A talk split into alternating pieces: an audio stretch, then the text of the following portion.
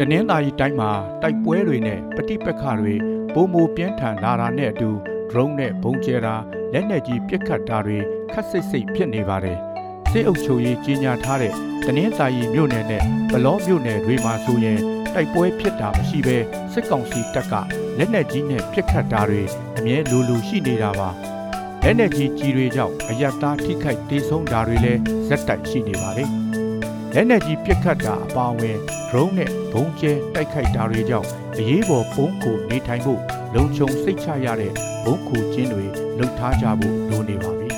။လုံခြုံတဲ့ဘုံခုချင်းတစ်ခုကိုဘယ်လိုလုပ်မလဲဆိုတာအရေးကြီးပါတယ်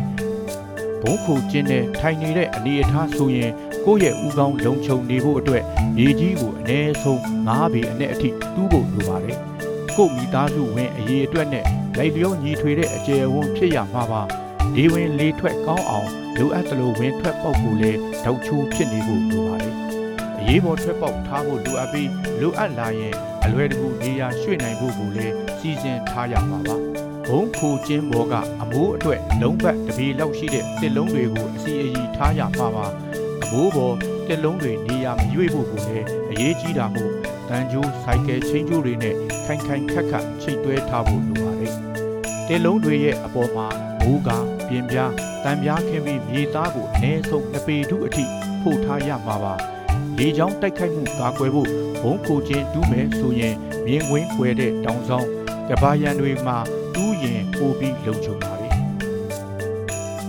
ဒီအိမ်ကိုဘုံခိုချင်းဖြစ်ဖို့လဲလှုပ်ဆောင်ထားဖို့လိုပါတယ်။အုတ်တိုက်အိမ်ခန်းထဲမှာထရိကန်ဖြစ်နေတဲ့နံရံတောက်နေရာတွေကိုတဲအိတ်စီပြီးဘုံတံကာကွယ်နိုင်တဲ့နေရာလှုပ်ထားနိုင်ပါလေ။တဲအိမ်မရှိရင်ဝကနှစ်ခုကြားမြေကြီးထက်ပြီးနံရံလုံနိုင်ပါတယ်မြေကြီးထူကတော့အ ਨੇ ဆုံးတပေခွဲလောက်ရှိရပါပါ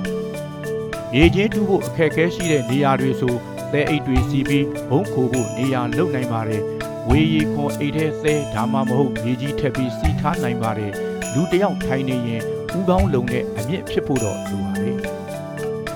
ဘုံခိုခြင်းလုပ်ပြီးပြီဆိုရင်မပြီးသေးပါဘူးဘုံခိုခြင်းထဲမှာလူအပ်တာတွေကြိုတင်ပြင်ဆင်ထားရပါဦးမယ် ဘုံခိုခြင်းနဲ့ပုံနေချိန်စားသောက်အသုံးပြုနိုင်မဲ့ပစ္စည်းတွေအစင်သစ်ဆောင်ထားဖို့လိုအပ်ပါတယ်။ဥပမာအနေနဲ့မုတ်ချောက်တောက်သုံးရည်အရေးပေါ်ဆေးဝါးဓာတ်မီဖုန်း